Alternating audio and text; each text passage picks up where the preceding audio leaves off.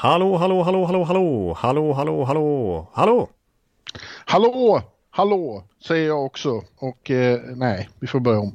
Okej. hade inget.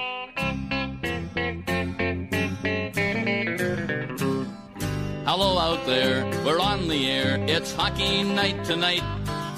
Tension grows, the whistle blows, and the puck goes down the ice. The goalie jumps and the players bump, and the fans all go insane. Someone roars, Bobby scores at the good old hockey game. Oh, the good old hockey game is the best game you can name. And the best game you can name is the good old Ja, hockey kör. game. Hallå, hallå, hallå, hallå, hallå, hallå, hallå där, hallå. Yes, hallå, välkomna till NHL-podcasten med eh, Hallå Jonte, ni hörde där. Jonathan Ekeliv i Örby i Stockholm och eh, mig Per Bjurman i ett soligt New York. Det är dags för oss att spela in avsnitt nummer 270. Litet eh, minijubileum. I alla fall jämnt tar. Ja, vi brukar ju poängtera när det är lite jubileum och vi har dem ganska ofta. Vi tycker till exempel att eh, 265 kan vara ett jubileum också. Men eh, 270, ja det är ju hyfsat jämnt i alla fall. Så det tycker jag vi kan eh, få understryka återigen. Hinner vi, hinner vi till 300 innan säsongen är över? Hinner vi göra 30 avsnitt till? Nästan... det- eh, Ja, På gränsen Kanske. skulle jag tro. Det beror på lite hur heta vi är där i slutet av eh, säsongen. Om vi varvar upp lite. Om vi varvar upp där i, i maj. Då kan det gå. ja. Ja. ja, vi kör ett, ett om dagen. Ja, precis. På slutet bara. Vi ska försöka, vi får, vi får ha det som ett litet mål att vi ska, att vi ska nå eh, 300. Ja, ja till skillnad från eh, de närmast föregående eh, avsnitten så har vi inte jättemycket nyheter att prata om den här veckan. Det, eh, det har för ovanlighetens skull inte hänt så mycket sista veckan. Nej, det är ingen tränare faktiskt som har fått sparken. Gerard Galant går fortfarande och väntar på att någon ska komma och samma sak med Peter Laviolette. Så att, nej, inget sånt den här veckan och inte så många spektakulära trader eller andra liksom, Nej. nyhetsgrejer som vi har totalvant oss vid sista månaderna. Nej, eh, nej så får man, så får man se det. Men det har väl också att göra med att, att eh, det har lugnat ner sig lite nu för det är ju många lag är på bye week och Sant. eh, fler, fler kommer för All-Star breaket börjar ju här nu och det är i samband med All-Star breaket så får alla antingen före eller efter sina bye weeks då. Så det är väldigt många spelare, ledare och eh, klubbpersonal som nu ligger i solstolar eh, utspridda över hela Karibien och, och Florida och så. ja, exakt. Så då kan vi inte förvänta oss att det bara tradas hej vilt direkt, utan nu är det lite lågsäsong mitt i säsongen här.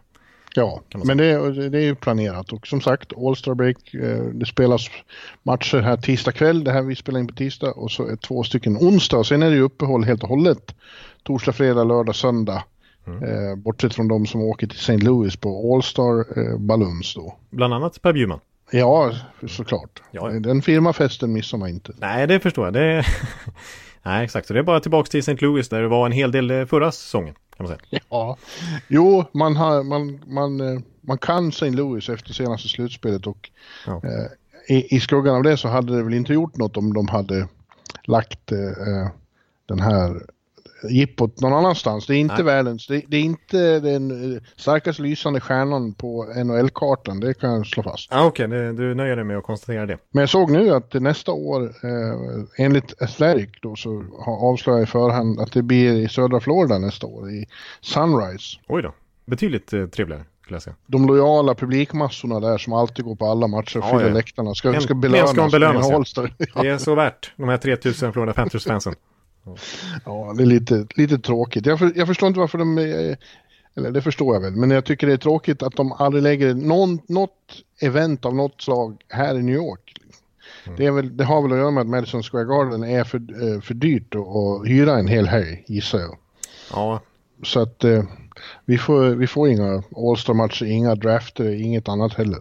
Ja det är bara eh, typ eh, lite sån här Stadium Series har ni haft. Ja, och visst, men då är de inte på Garden. Nej, exakt. Du vill ju ha det, du vill ha det 10 minuter från eh, din eh, lägenhet där. Det, det är ju så Ja, du är van varit- att se på hockey. Ja, det hade varit kul. Jag tror att det hade varit lätt att få spelarna att komma också och tillbringa en, en helg i, New York. Ja, just det. Då hade inte Ovechkin tagit en matchavstängning. Då hade han gladeligen tackat ja. Ja, medan han inte är så lockad av att spendera denna dyrbara tid i, i, i The Lou. Tror du att eh, Henke Zetterberg för första gången skulle ha undvikit en upper body om det hade blivit eh, Madison Square Garden? Nej, jag tror enda chansen att få honom att inte ha ont i handlederna, det var om de hade lagt det i Detroit tror jag. Om det hade varit på hemmaplan. Okej, det, kanske, det kanske är så pass. Det borde de för övrigt göra nu när de har så fin arena där. Ja, och de vill ju ha något att glädja sig åt. De behöver se lite stjärnglans för en gångs skull. här. De Ja, det ju- behöver de verkligen. Ja. Ja, men hörru du. Eh, vi ska ändå ha en del att prata Vi har ändå en del att prata om det för att eh, förra veckan, eller under helgen här så innan många lag gick på, på, eh, på sin bye week Mm. eh, så blev resultaten, de var så intressanta att det blev eh, lite rörelser i tabellen. Ja, det har tajtat ihop sig på vissa ställen, får man säga. Ja. Så vi tänkte att vi skulle titta på det och samtidigt koppla ihop det med det faktum att det alltid har hetat att eh, efter All Star breaket då börjar upploppet. Ja, mm. Och sen efter, efter trade deadline då är det spurt. ja precis. Upploppet, eh, det börjar här nu bara om någon vecka eller två. Eh, Ja. Och, och sen kommer spurten då när trade deadline är, är förbi. Men eh, ja, så att vi ska väl försöka eh, vara lite förutseende nu. Det brukar gå sådär, men vi ska försöka ge oss på vilka vi tror kommer make it or break it. Exakt. Och vi, vi kan väl börja med att titta på, på Eastern då som vi alltid börjar här ute på östkusten. Ja, vi är traditionalister och har väldigt svårt för att bryta mönster, utan det blir ofta liksom den ordningen som NHL lägger fram det för oss. Ja. Och det mest anmärkningsvärda som hände var väl då att Toronto för första gången sedan i oktober lagom till All Star breaket faktiskt ramlade ner under strecket. Eh, Florida övertog deras eh, tredje plats i Atlantic och då ramlade Toronto ner flera, flera positioner. Det är inte någon stor skillnad, de är bara två poäng efter. Mm. Eh, men har en match mer spelad också det ju en, en, en missräkning för Toronto helt klart. Ja, det får man säga, men det, är det så pass att de inte att de varit på slutspel ända sedan oktober? Jag kan tänka mig november när Babcock försvann, men det kanske, men det är väldigt länge i alla fall de har legat på slutspel. Ja, ja, de har, ja, ja, ja, jag ska inte svära på det. Men de har ju varit... Det var som i, i oktober är det inte så intressant vem som ligger var i tabellen. Det är, Nej, men de har ju varit på slutspel ett bra tag, speciellt nu under Keefe som vi har berömt så mycket och hans fantastiska record sen han tog över där mitten, slutet på november. Och eh, jag pratade ju förra veckan om att de var NHLs tredje bästa lag då. Eh, Mm. Sen han tog över. Men nu har det gått en vecka till sen vi spelade in och nu har det blivit ett antal förluster till. Och ja, som du säger, de är faktiskt utanför slutspel nu. Och, ja, jag tycker redan nu att, vilket man, vilket man borde se en effekt av, att eh, jag menar, det är ju trots allt så att deras relativt tunna backuppsättning har tunnats ut rejält med det faktum att Morgan Riley är borta, med det faktum att Jake Massin är borta. Det borde märkas och det släpps ju in väldigt mycket mål där. Under 2020 så har de släppt in mer än fyra mål per match i snitt. ja. ja, men det är ju ett, ett, ett lag där man har satsat mer på, på offensiven än på defensiven.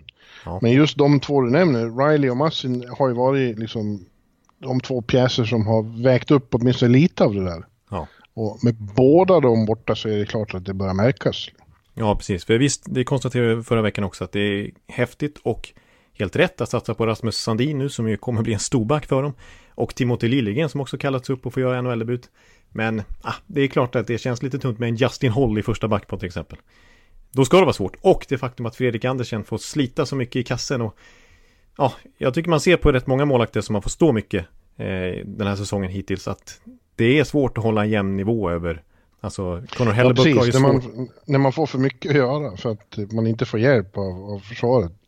Nej men vi såg ju förra året kan man ju ta John Gibson som var lysande nästan allas Vessina-kandidat under hösten och tidiga vintern och sen så klappade han ihop totalt och Anaheim förlorade 12 raka matcher eller någonting. Samma sak börjar man se lite grann i Winnipeg som vi kommer in på när vi ska prata väst att Connor Hellebuck har det tufft nu och det tycker jag man kan säga om Fredrik Andersen också i Toronto. Han är ju en stor del i att de släpper in så mycket mål nu för han storspelar ju sällan eh, här på slutet och eh, det har ju till och med pratats lite grann om att Toronto är ett av lagen som kollar in Rangers målvaktssituation om man kan norpa åt sig en Alexander Georgiev till exempel. Ja, men då tydligen begär Rangers så mycket för Georgia att folk eh, blir chockade. Ja, att inte ens Kasper Andreas- Kappanen ska räcka till exempel. Nej, Andreas Jonsson och något mer. Ja. Det är eh, mycket för, för en eh, icke etablerad förstemålis. Nej, precis, exakt. Men eh, bra Rangers och, och inte liksom eh, låta sig utnyttjas bara för att man har en liksom knepig målvaktssituation utan tvärtom utnyttja det själva och, och sondera terrängen och liksom kräva ett riktigt högt pris. När man har så. Ja. Det, är ju, det är ju två jättebra målvakter, både Georgiev och Sjestjorkin.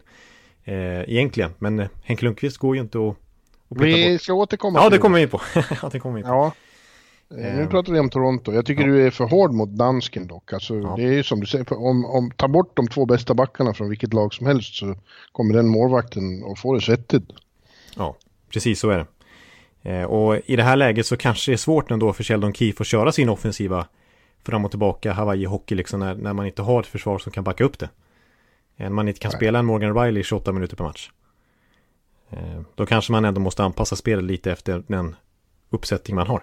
Ja. Eh, så att, ja, jag, jag, jag är lite orolig för Toronto faktiskt. För jag tycker det är så många andra lag här som känns starka och svårpasserade faktiskt. Ja, de ersattes ju på den här tredje platsen då i Atlantic av Florida Panthers. Mm. Som, eh, ja det går ju långsamt men det är, Joel håller på att få struktur på det där laget. Det är ett extremt begåvat eh, offensivt lag utan struktur har det varit länge. Ja. Ja. och, och, de släpper fortfarande in för mycket mål. Så är det. Eh, men de, hittar, de har börjat hitta sätt att ändå, ändå vinna. De har fem raka nu. Och stod för en, en, en, en riktig eh, bragd i Minnesota igår när de låg under med 4-3 med bara fem minuter kvar och vänder och vinner. Ja, de har haft några sådana den här säsongen tycker jag när de har legat under och vänt på slutet. Till exempel mot Boston låg under med 0-4 var det väl till och med. 0-3 eller 0-4 mm. och vände och vann.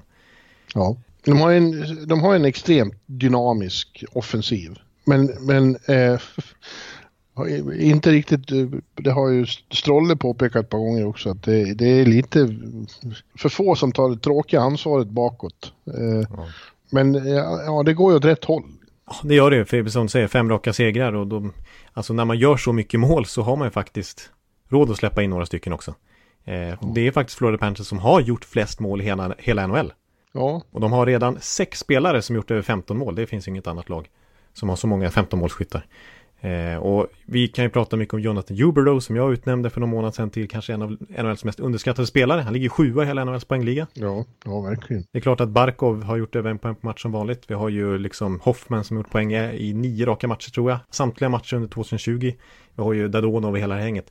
Men sen måste man också berömma nyförvärven på forwardsidan som har gjort det väldigt bra också som man inte har lagt så mycket fokus på med tanke på att mest har pratat om att Bobrovski inte var något lyckat nyförvärv. Men Noel Acciari, 18 mål.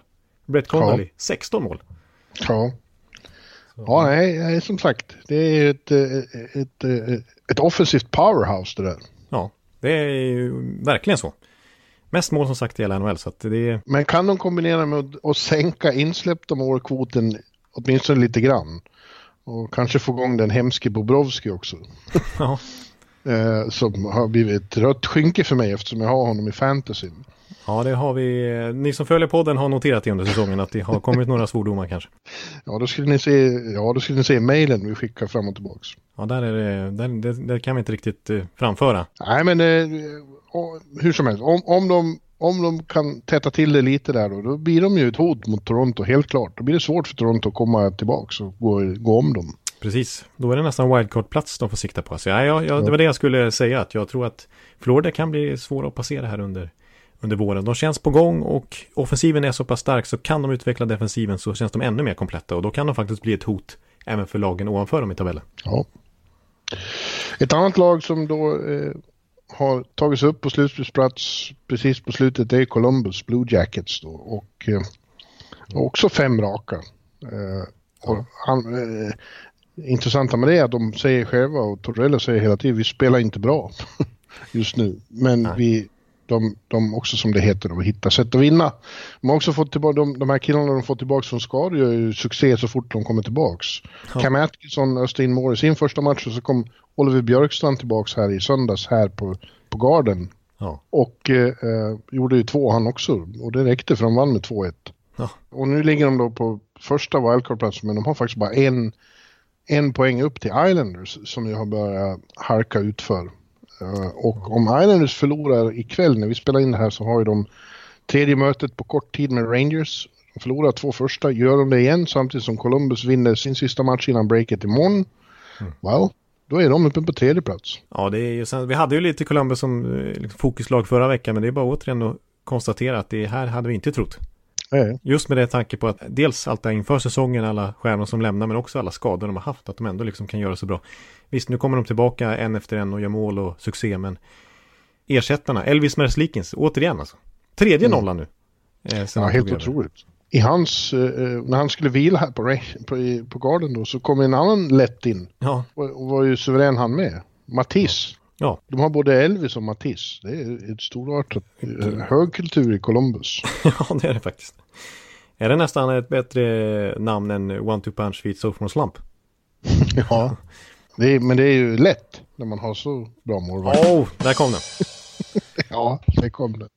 Ja, efteråt pratade jag med Hästbol och Gustav Nyqvist och han, han, eh, hans eh, bestämda besked var att vi tittar uppåt, inte neråt.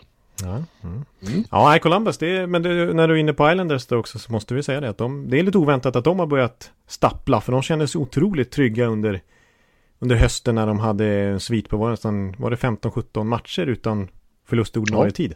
Och, men nu, nej den här ser... Ja, det, är, lite, det är lite sprickor i fasaden där plötsligt. Ja. Eh, som har varit som pålitligt tät. Eh, de, har, de gör ju inte så mycket mål. Eh, och när de då också börjar släppa in så då blir det inte bra. Nej, precis. För det är det som har hänt nu. Att de har fortsatt problem med målskyttet. Men de har ju räddats av sitt grundspel. Men när det börjar krackelera lite grann nu i alla fall. För under 2020-sidan av den här säsongen så har det blivit klart mer förluster än vinster. Så mm. trenden är sådär. Och jag menar, vi sa väl lite grann, har jag för mig för några veckor sedan, att det kändes ganska stabilt där med Washington, Pittsburgh och Islanders på topp tre positionerna i Metro-divisionen och kanske framförallt just Islanders och Washington. Men nu har det ju nu har det blivit ett glapp upp till eh, ettan och tvåan divisionen. Islanders Ja. Med, med den här trenden så då blir det ju inte en slutspel. Nej, nu ska vi inte... Nej, nu, ska, nu, nu drar jag stora växlar hem. Men eh, ett problem är ju, jag har ju sett de här nu då, de här två matcherna mot, mot Rangers och eh, ja, det, det hörs sporadiska We Want Robin-ramsor mm. i, i, i supportleden. Och Valamov, eh, din idol Mitch Korn har inte gjort samma underverk med honom som eh, med Grice och Robin tyckte ju det för någon månad sedan i alla fall, då både Valamov och Gais fortsatt liksom höll i det här fantastiska målvaktsspelet i Islanders. Men nu eh, ser det inte riktigt lika vasst ut, det är bara att konstatera. Mm. Ja, men, eh, men egentligen alltså, med tanke på hur bra och trygga och oerhört stabila de var i höstas så tycker jag att de borde kunna återfinna det där. Och är det någon som kan få spelarna att komma tillbaka till det så är det väl Barry Trotz. Ja, man tycker det, men han har varit, han har varit märkbart frustrerad. Ja, märkbart frustrerad och störd över det här. Jag tror inte han förväntar sig den här utvecklingen. Jag tror att han tyckte att han satt lugnt i båten och att det här eh, inte alls var meningen att det skulle hända. Ja, de kanske blev för trygga. Liksom, ja, det, kanske det. För de var ju otroligt liksom med i varje match. Alltså de, de, det kändes som att det, det är ändå, även om det är ett passivt spel så är det ganska krävande att vara så disciplinerade hela tiden. Och följa mallen mm till 100% match efter match, kväll efter kväll. Men nu när vi är inne i omgång 45, uppåt 50 liksom, då Ja, då kanske börjar, det kanske är lite krävande också att hålla på sådär två år i sträck. Ja. Och, och, höra det där mantrat från, från Trots. Så det kan ju, kan ju ligga något i det också. Ja, och, och, och att de, alltså ligan har ju lagt in en serie mitt i serien här då mellan Rangers och Islanders. Eh, tredje mötet ikväll, tredje på en vecka. Dessförinnan hade de inte mötts på hela, hela grundserien. Ja. Och för Islanders att få stryk två matcher i rad mot Rangers på så kort tid, det är ju det, är ju det värsta de kan råka ut för. Ja, precis. Exakt. De lär komma extremt mobiliserade ikväll till garden. Ja. Och Rangers då, de tillhör ju ett litet... Eh, vi sa att Toronto, de är nere på ja, två platser under wildcard då, men de har bara några få poäng upp till, till eh, slutspel igen. Medan bakom dem så är det ju ett rejält glapp ner till tre lag som har fastnat i en egen liten klunga där och inte kommer loss. Så det är Buffalo, Montreal och Rangers då. Ja, Rangers... Sex poäng Rangers, skiljer det ner till ja, mm. ja, Rangers kände att de hade häng och om de hade slagit Columbus också så hade de haft riktigt bra häng. Mm. Uh, coach Quinn sa ju före matchen att det här är viktigaste matchen på hela säsongen. Och sen när de förlorade med bara vad det var, de, Columbus avgjorde i slutminuten, i ordinarie matchtid. Det var en riktig dagger i, i, för Rangers. Men efteråt försökte han släta över det, men det kan ha varit där hela slutspelsdrömmen dog för dem, tror jag. Mm. Ja, det blir ju liksom, om man är så här 500, om man vinner en match här och där och så förlorar man två, vinner kanske en eller två, förlorar två igen. Eh, då kommer man ingenstans, då fastnar man ju där. Precis, och då blir det för många lag framför en i kön liksom. Då blir det, ja. även om man vinner någon match här och där så, så räcker det inte för att ta sig förbi så många lag som det krävs. Så, ja. nej, och det är, de är verkligen en sån 500-klunga nu alltså, för det känns liknande i Buffalo och Montreal. Visst, Montreal har spottat upp sig lite grann och tagit några segrar här och Ilja Kowalczyk har ju varit en väldigt positiv injektion. Ja, verkligen. Det får man ge dem att den chansen gick hem. Han har, han har varit riktigt bra. Kul för honom. Ja, precis. Avgjort match, gjort snygga mål och varit bra. Spelat sig 20 minuter på match. Det har verkligen inte varit någon isolerad roll i fjärde kedjan och sen lite PP-tid. Utan han har ju tagit ansvar och verkligen tagit chansen nu när de sa att det här är din NHL-karriärs sista möjlighet. Eh, ja. Och Buffalo, visst de tar någon seger här och där och, och Jack Eichel är fortsatt bra men nej, de räcker inte till i år heller. Buffalo känns ju som en väldig besvikelse. Men jag jinxade dem något oerhört när jag i, efter den här matchen på Long Island när jag såg i mitten av december och skrev sen en krönika åt Hockey News om att eh, i år, i år, året när Buffalo går till slutspel och så. Sen du var ju så imponerad över det på Madison Square Garden du hade sett ja, nej, på Long Island. Long Island var det, ja. Men tyvärr då. Nej, det, det, det räcker inte. Nej. Rangers, ja, vi måste titta på den här målvaktssituationen nu då. Det, det, det eskalerar ju hela tiden vad, vad som ska hända här när de har tre målisar uppe och Henke Lundqvist har hamnat i en inte så eh, avundsvärd position. Eh, där han ju knappt får spela alls och när han får det så är det omöjliga matcher som borta mot St. Louis. Ja, eh, exakt. Så det känns ju taskigt. Jag får nästan, eller nästan, jag får varje dag förfrågningar från alla håll och kanter. Tror du, tror du Henke kommer att eh, gå med på att bli tradad? Mm, mm. Alltså, det är helt upp till honom. Han har ju full eh, no trading-klausul. Eh, och eh, så vitt jag förstår har hans inställning inte förändrats alls. Eh, han har inget intresse av att lämna New York. Han, han, vill bo här och han vill spela för samma klubb. Jag vet inte om det, om det kommer förändras. Det här, om, om Rangers liksom så här passive aggressive försöker visa att så här tråkigt blir det om du är kvar. Ja, precis. Det är väl det som skulle kunna få honom att ändra åsikt till slut om man själv upplever att organisationen trycker bort honom lite grann.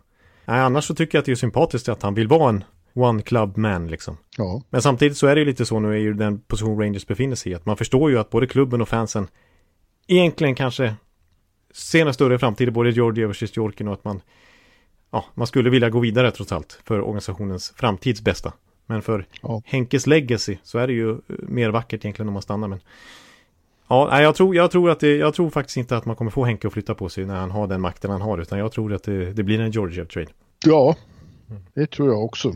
När den blir återstår att se. Eh, för de, eh, även om det, Rangers verkar ju tycka att eh, ja, det, är, det är inte helt bekvämt med den här tre målvaktssituationen men vi, men vi kan fortsätta ha det så här ett tag. Ja, precis. För det är inte bara det att de måste turas om med matcherna också. Det är ju med träning så här. Det är mycket mer naturligt att ha en målvakt på varje sida isen liksom, ja. man tränar. Och det vi kommer ihåg i Islanders till exempel när de hade tre målvakter och Jaroslav Halak var rasande på hur träningarna såg ut. Ja. Eh, så att, nej, det kan inte pågå för länge utan jag, just av den anledningen så tror jag att, att eh, och jag, det, jag ser inget alternativ att skicka ner inte jag själv. Alltså en sån beprövad målvakt, 24 bast som kan skick, åka hem till KHL och tjäna massa pengar om, om det ska fortsätta så här istället. Eh, då, då är inte det något alternativ. Så att, Nej. jag, jag, tror att det blir en trade innan, innan deadline, att det blir Georgie i så fall. Och att man verkligen försöker, man behöver inte ha någon panik fram till dess, utan försök verkligen kräma ut det mesta man kan få i utbyte. Ja, såklart. Mm. Ja, om vi rör oss västerut då. Mm. Uh, så det är, ju väldigt infernaliskt faktiskt i Pacific nu. Där, där, har alla lag, de är på bye week nu, det spelas inget mer förrän efter All-Star. Ja, så där har vi, med, med, sin sista seger där, så gick Vancouver upp i topp i Pacific. Och det är ju hundra år sedan de var etta i Pacific i Jaha. slutet av januari. Men det intressanta är ju att det är fem lag eh, inom, inom en poängs radie. Eh, ja, det är osannolikt. De har 58. Edmonton, Calgary, Vegas och Arizona har alltid 57. Jag läste att eh, eh, någon påstod att det är första gången det har hänt sedan 87. Att ja. eh, det är så tätt i, i toppen av en division. Så här långt in på säsongen. Och sen är det ett jättegap ner då till San Jose, Anaheim och Los Angeles. De tre supermakterna i denna division i ett decennium. Ja, och tiotalet stora Pacific-lag. Ja, det är ju verkligen remarkabelt. Ja, det är det faktiskt och det har vi pratat om några gånger men nu kan vi verkligen slå fast att San Jose det kommer inte gå. Nej, nej, nej. 10 poäng upp. 11 ja. poäng upp. De är borta. De är borta och det har ju till och med mer eller mindre börjat uttryckas där att nej, den här säsongen ja. är körd. De kommer ja. vara en seller vid deadline. Ja, jag tyckte att eh, Erik sa väl det efter sista förlusten där att ja, eh, ibland måste en organisation gå igenom sånt här. Nu får vi eh, lära oss vilka som ska vara kvar på sikt och hur vi ska ta oss vidare i framtiden. Mm. Och det, det är ju ett jättefiasko. Framförallt för general managern som har med ett sånt prime-lag mängder av stjärnor är liksom i 30-årsåldern att, att det slutar på det här viset att säsongen är körd i januari. Det, ja. det fick ju inte hända. Nej. Mm. Men det blir intressant att se deras approach vid deadline. Hur många stjärnor de kommer eh, låta vara tillgängliga så att säga. Och hur stor makeover det kan bli.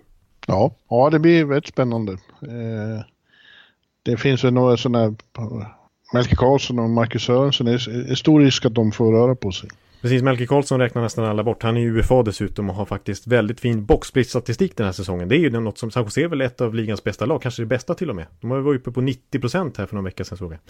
Eh, mm. Så att, och Melke Karlsson är ju vital för deras boxplay, så han tror jag definitivt kommer tradas till en, ett topplag för att, att fylla på i den spelformen. Ja, kul. Melke i Tampa. Vem vet, ja.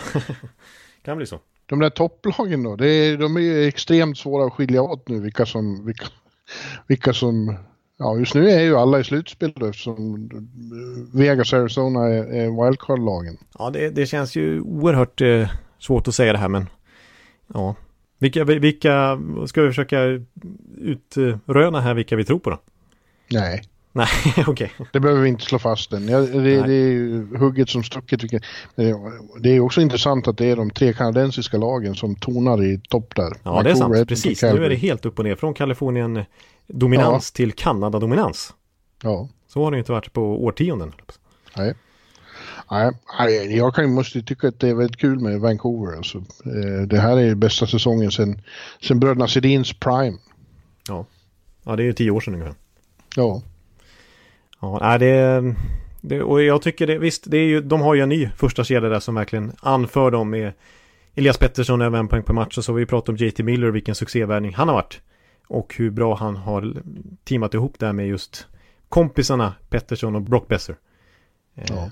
Eh, men, men sen, måste man, sen är det ju så mycket mer faktorer också. Det är ju verkligen bredden i laget. Alltså en andra kedja där Bo Horvath har gjort över 40 poäng. Där Tanner Pearson som ju har halkat runt mellan olika klubbar och nästan känns som att hans NHL-karriär skulle ta slut. Han har gjort 37 poäng den här säsongen. Jake ja. Vertanen 28 poäng. Quinn Hughes, vilken jätteinjektion på försvarssidan att få en så spelskicklig back som också öser in poäng och ja, är ju i kapp i princip Cale McCarr i poängskörd. Eh, så att det... Och Markan i målet har, har, sin bästa säsong hittills och nu All-Star. är på väg till St. Louis för All-Star-festligheter. Ja, han får du prata med då här i dagarna. Mm. Ja. Det, han är ju rolig att prata med. Ja. Så det blir säkert kul. Och det är ju väldigt lovande på sikt att stommen är så ung. De här kommer ju bara bli bättre och bättre. Precis. De är ju lite före sin eh, kurva nu som den var tänkt. Ja, så är det. Och jag får ge Travis Green att han är lite bättre än vad jag tyckte. Jag tyckte han är lite sur, surgubbe. Men, men eh, uppenbarligen så, så lotsar han det här laget på rätt sätt just nu. Ja, för jag tycker visst det kan bli 2-9 mot Tampa till exempel. Det var ju gillade jag. Men det, och det kan bli 0-4 mot Winnipeg. Men annars tycker jag att de, ju längre säsongen har gått här, det blir färre och färre plumpar. Det börjar kännas väldigt liksom tryggt och de slår de lag de ska slå. Ja. Alltså, möter de Chicago, då vinner de. Möter de Minnesota, då vinner de. Eh, mm. man vet, man, man, känner sig trygg med att de kommer ta de poäng de ska ta. Eh, och de kan ja. vinna mot vilket lag i ligan som helst. Ready to pop the question? The jewelers at BlueNile.com have got sparkle down to a science with beautiful lab-grown diamonds worthy of your most brilliant moments. Their lab-grown diamonds are independently graded and guaranteed identical to natural diamonds, and they're ready to ship to your door. Go to Bluenile.com and use promo code LISTEN to get $50 off your purchase of $500 or more. That's code LISTEN at Bluenile.com for $50 off. Bluenile.com code LISTEN. Ja. I Central då, mm. där är det ju tre som har ryckt ifrån. St. Louis, Colorado och Dallas. Även om Dallas på slutet har haft en riktig svacka och på några riktiga jävla smällar. Ja, verkligen. Så har de ändå 7-0 pass... blev det väl mot, vilka var det? Ja. Mot Minnesota? Mm. Ja, men de har ändå så pass marginal så de får anses, tills vidare i alla fall. Eh, de måste ju bryta sig ur det där förstås. Eh, men tills vidare så är, är de, de tre ganska klara känns det som.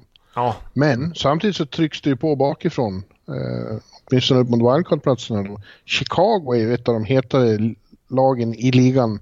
Med fem raka de också. Det är de och Florida som har fem raka. Ja. Och den här gången, vi har sett några false starters, starts tidigare under, under säsongen. Men nu känns det som att eh, de har, de har eh, verkligen eh, fått konturer på ett lag. De är på väg åt rätt håll. Ja, just nu känns det i alla fall så. Det är en kanske... Ja, de hade en stark vår i fjol också, men under Colleton så är det väl här den bästa perioden de har haft liksom. Eh, ja. För annars sen han tog över så har det varit väldigt tydligt statistiskt också att de har varit ett 500-lag. Verkligen så här, vinner varannan match, förlorar varannan match. Plumpar här och där, höjdpunkter då och då också. Men, men nu känns det ganska bra. De börjar, som du säger, börjar få lite struktur på line-upen. Eh, inte lika mycket omkastningar i kedjan och sådär. Eh, Jonathan mm. Taves ihop med Dominik Kubalik, ska vi nämna, har blivit ett väldigt starkt par. Jonathan Taves klagade vi mycket på under hösten. Han var väldigt svag. Eh, efter att ha faktiskt satt personbästa i antal poäng i fjol så började han jättedåligt igen och det började snackas om att han är slut och fruktansvärt kontrakt och allt det här. Men nu har han varit point, nu är han nästan en point per game-spelare igen. Och Dominik Kubalik, 21 mål. Ja. Riktigt lyckad Stan Bowman-värvning, typisk Stan Bowman-värvning också när de plockar upp så här lite late bloomers från Europa. Han vann ju poängligan i Schweiz i fjol, tjecken Dominik Kubalik. Eh, och det är inte den första tjecken de plockar över som han är ju faktiskt draftad av Los Angeles Kings och de bytte till sig hans rättigheter mot ett 50 runda val. Men annars har det varit mycket så här äh, free agents de har plockat över från. Jag menar, Michel Kempney som nu är i Washington, det är en Chicago pickup för några år sedan. Jan Rutta som är Tampa, Chicago pickup för några år sedan. Dominika Hund som gör succé i Pittsburgh, gammal Chicago pickup. Så att, mm. eh, typiskt Stan Bowman. Men, ja, och sen Patrick Kane då som gjorde sin tusende poäng. Ja. Härom natten och fick fira stort. Ja, så Robin Lehner i kassen har varit väldigt bra också. Precis, alltså 92,4 procent. Är, mm. Han är statistiskt sett, även om man räknar goal save above average och alla de här mer avancerade statistikkolumnerna så ser det väldigt, väldigt bra ut för han. I år igen. Och jag hörde att han i en intervju häromveckan i, i en eh, målvaktspodd, vad heter den? In Goal Magazines podd. Så, så pratade de med Lener och han tyckte att han är bättre än i år i fjol. Ja. Han, eh, när han fick så mycket uppmärksamhet i Islanders där, men ja, nu, nu i och med att han spelar i ett lag som ligger längre ner i tabellen så tycker han inte att han får lika mycket uppmärksamhet. Men egentligen så känner han sig bättre nu och faktum var ju att i år skulle bli säsongen han ska bevisa sig för att få det stora kontraktet och inte behöva nöja sig med en ettårs deal. Men det får man verkligen säga att han har gjort. Jag menar, han har ju faktiskt lika bra statistik i år. Verkligen. Mm. Eh, och nu när de är, eh, börjar röra sig uppåt så, så de här spekulationerna om att eh, Hawks ska trada honom, det, så blir det nog inte om de håller i det här. Nej, utan tvärtom så kommer de kanske inte intensifiera förhandlingarna med att försöka få honom att stanna. För jag ja. menar, eh, det har ju pratats om liksom att Bowman är lojal mot sina killar. Det är han som har skrivit kontraktet med Kane och Taves och Seabrook och Keith och Crawford och så vidare. Men nu går ju Crawfords kontrakt ut och jag menar Han har skeppat Hjalmarsson, han har skeppat Patrick Sharp, han har skeppat Johnny Oduya, han har skeppat Panarin och så vidare. Så att han Han har visat sig benägen att liksom gå vidare. Han har skeppat Joel Quenville.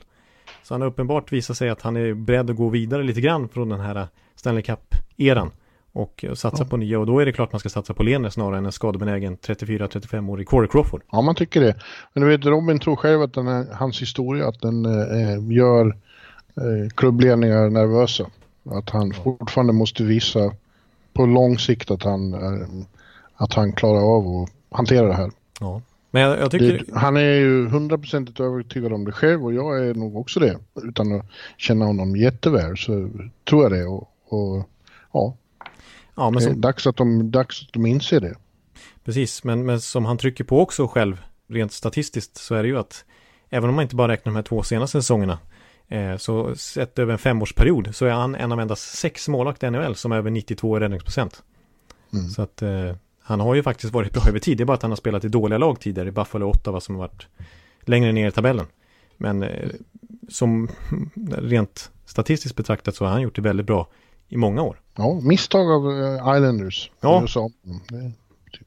Men du, eh, Winnipeg samtidigt och ett annat central lag, de rör sig i, i, i fel riktning. Ja, de precis. De har harkat, harkat bort och, och, när vi pratade förra veckan om kan det finnas några fler coacher som ligger risigt till så ja, med, med, den trend som är hur lätt man sparkar tränare nu så kan inte Paul Maurice Morris Maurice Vad säger du? Ja, jag säger Paul Maurice skulle jag säga. Ja, Maurice. Att han kan, det är inte omöjligt att han plötsligt försvinner också. Med tanke ja, på vad de har för, för, för interna förväntningar där.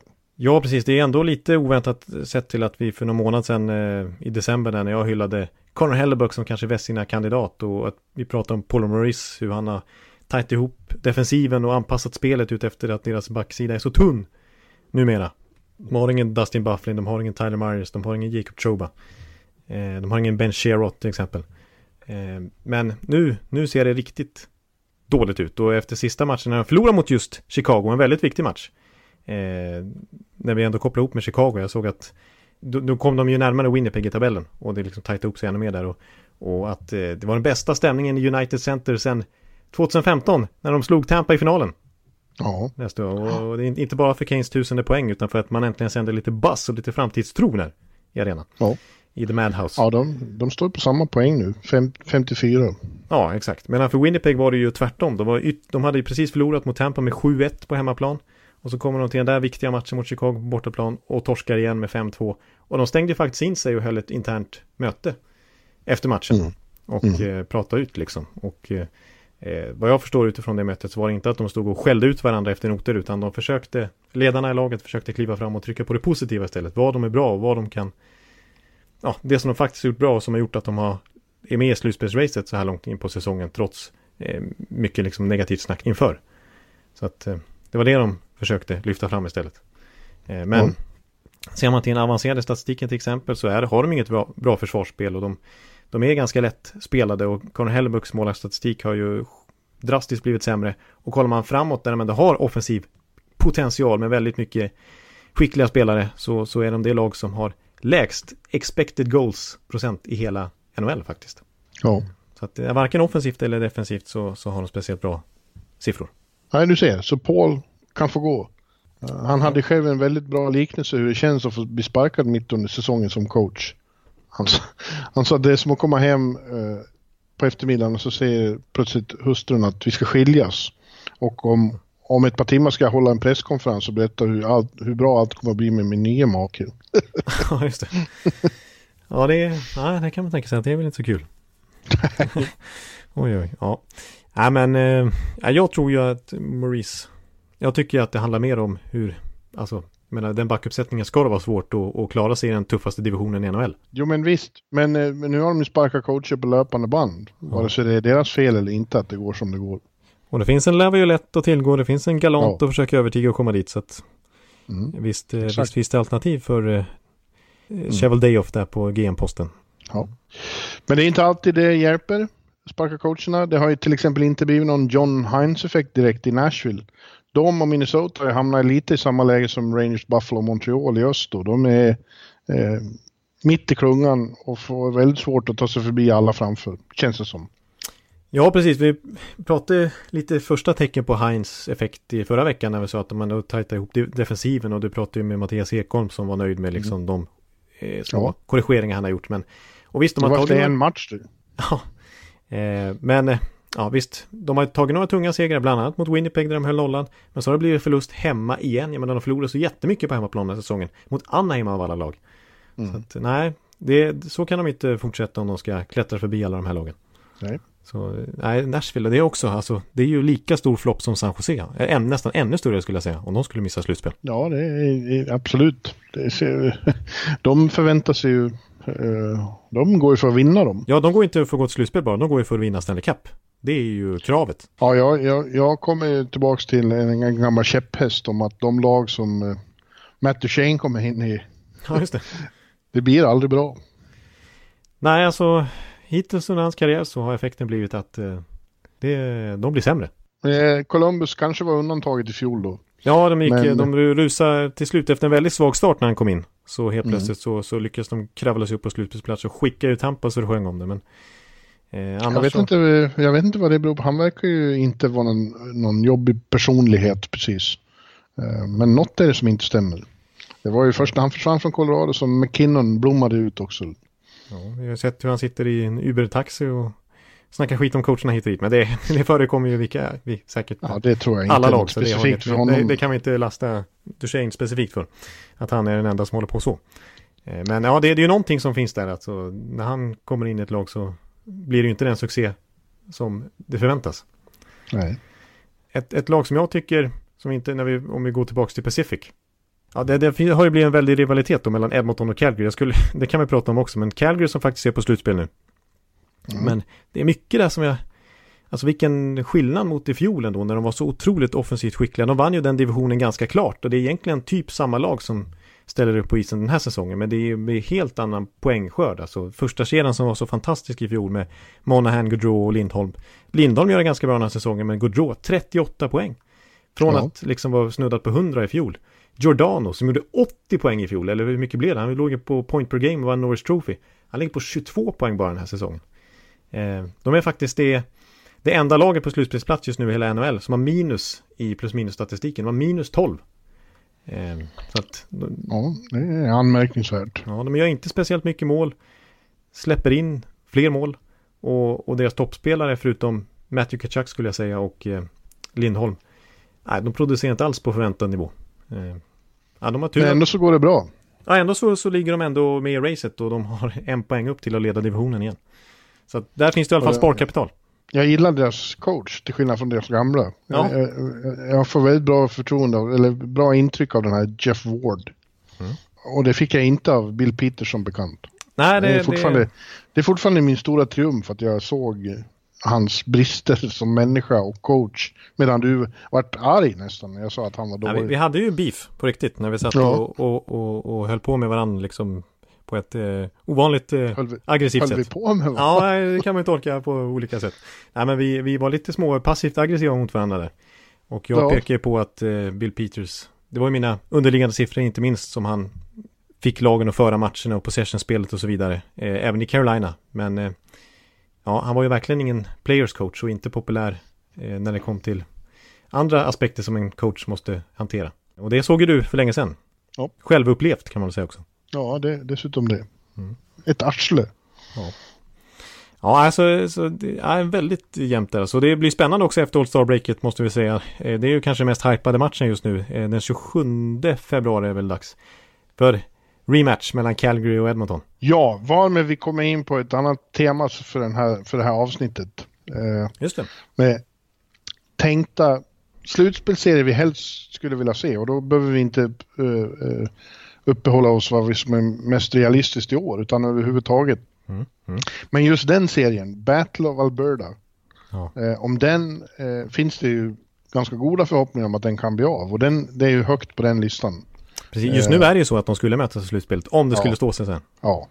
Eh, den är ju, det skulle ju vara, vilket, vilket krig det är ganska nära mellan eh, Calgary och Edmonton. De skulle köra emellan i karavaner där. Ja, precis, för nu, nu har det blivit extra hett då med tanke på hur Matthew Kachak har smält till. Ja.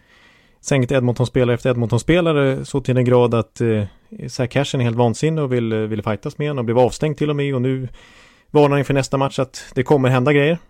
Då ska ja, det minsann de varnar för att det kan hända grejer under All-Star-breaket McDavid och, och, och Dreisaitl inte vill vara på isen med, med Kachuk fast de är i samma lag. Precis, det är ju faktiskt så att Dreisaitl har sagt det att eh, skulle vi tvingas spela ihop i tre mot tre att jag och McDavid måste vara ihop med Kachuk, ja då går vi av isen, då får han spela själv. Ja. Då skiter vi, ja. då åker vi hem.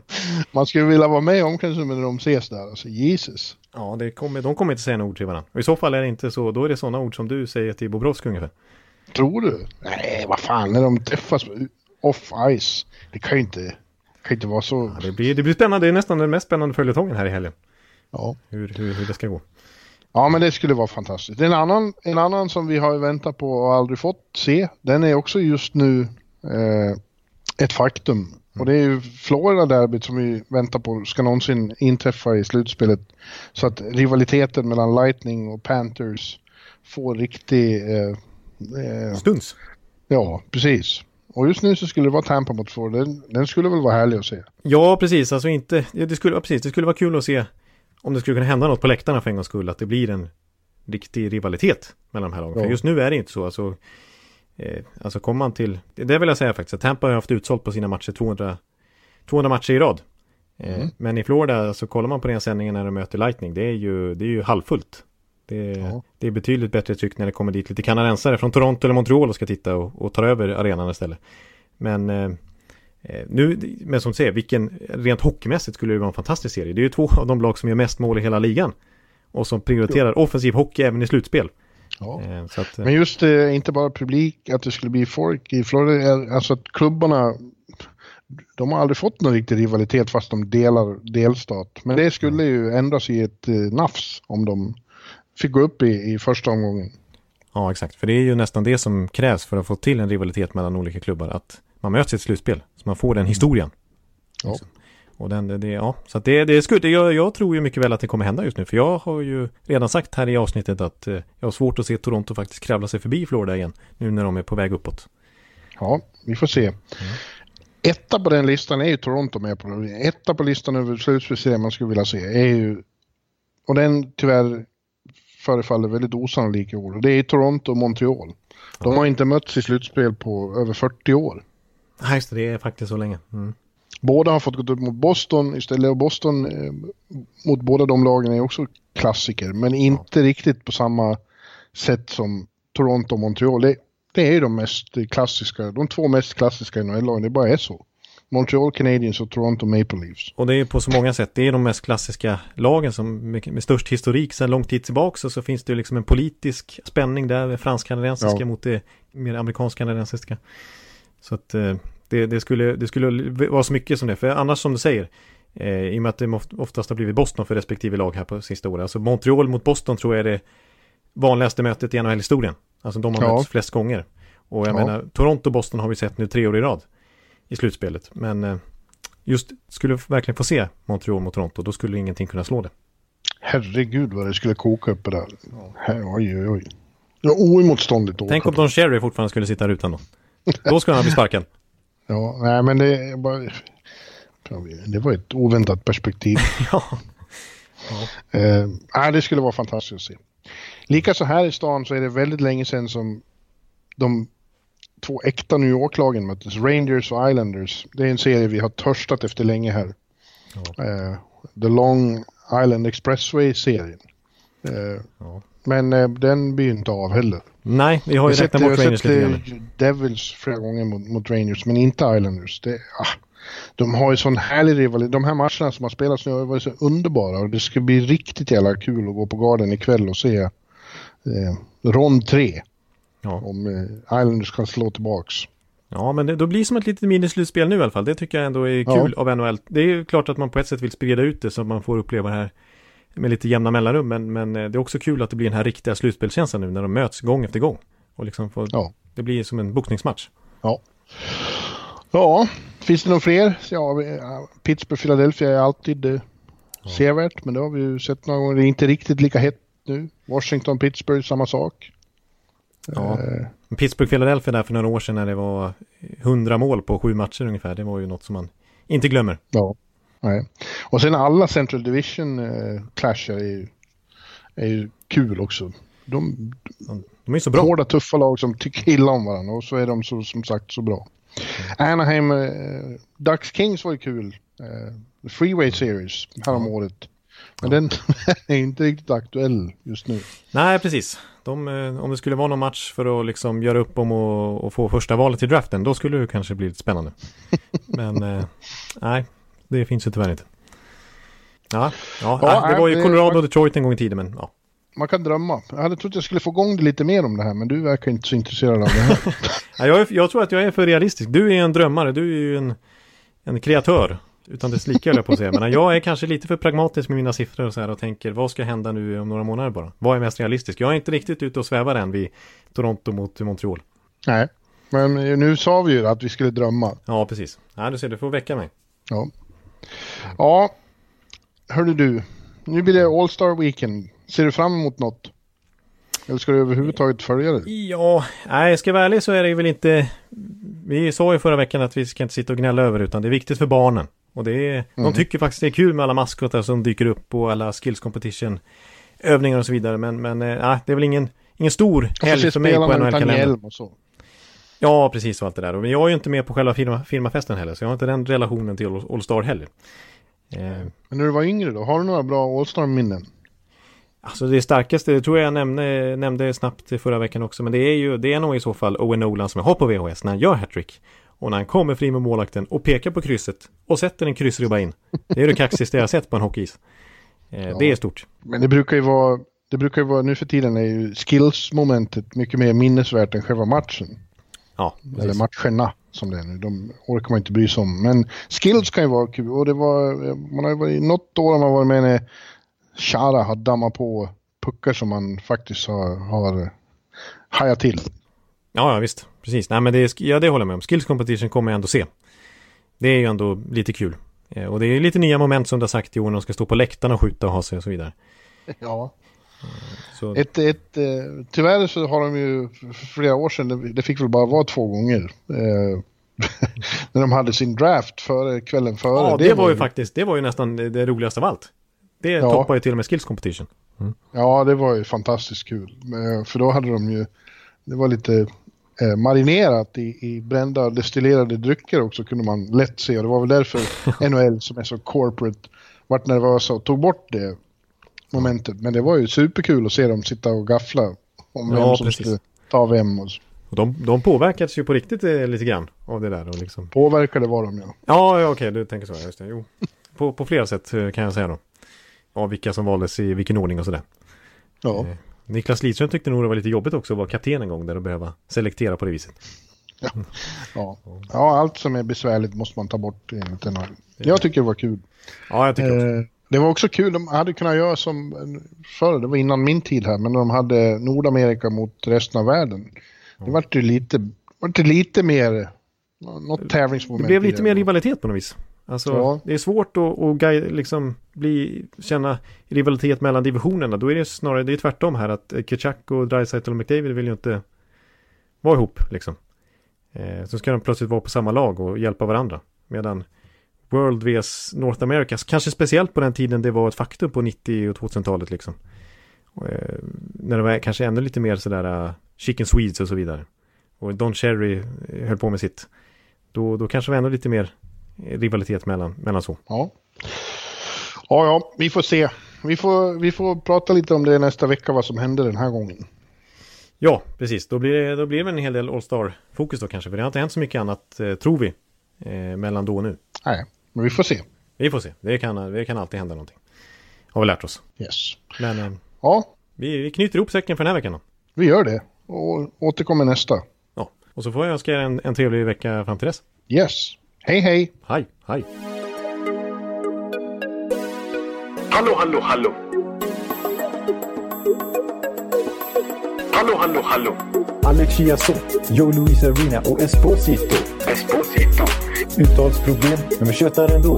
Och alla kan vara lugna, inspelningsknappen är på. Bjuder Hanna Kohl, han är grym i sin roll. Från Kållesoffan har han fullständig kontroll på det som händer och sker. Det blir ju allt fler som rattar in hans blogg. Och lyssna på hans podd. One, two, three, speed, so Hallå, hallå, hallå. One, two, three, speed, so Hallå, hallå, hallå. Ekeliv, som är ung och har driv. Verkar stor och stark och känns allmänt massiv. Han hejar på Tampa och älskar Hedman. Sjunger som Sinatra. Ja, och där ser man. Nu är det dags för refräng. Dags för magi, Victor Norén. Du är ett geni. Så stand up at home and remove your hats. Höj volym, för nu är det plats. One, two, three, speed, so Hallå, hallå, hallå. One, two, three, speed, so Hallå, hallå, hallå. One, two, three, speed, so Hallå, hallå, hallå. One, two, three, speed, so Hallå, hallå, hallå. Det er utroligt længe siden mor, der samtidig også har råd. Hallå, hallå, hallå. Det er utroligt længe siden mor, der samtidig også har råd.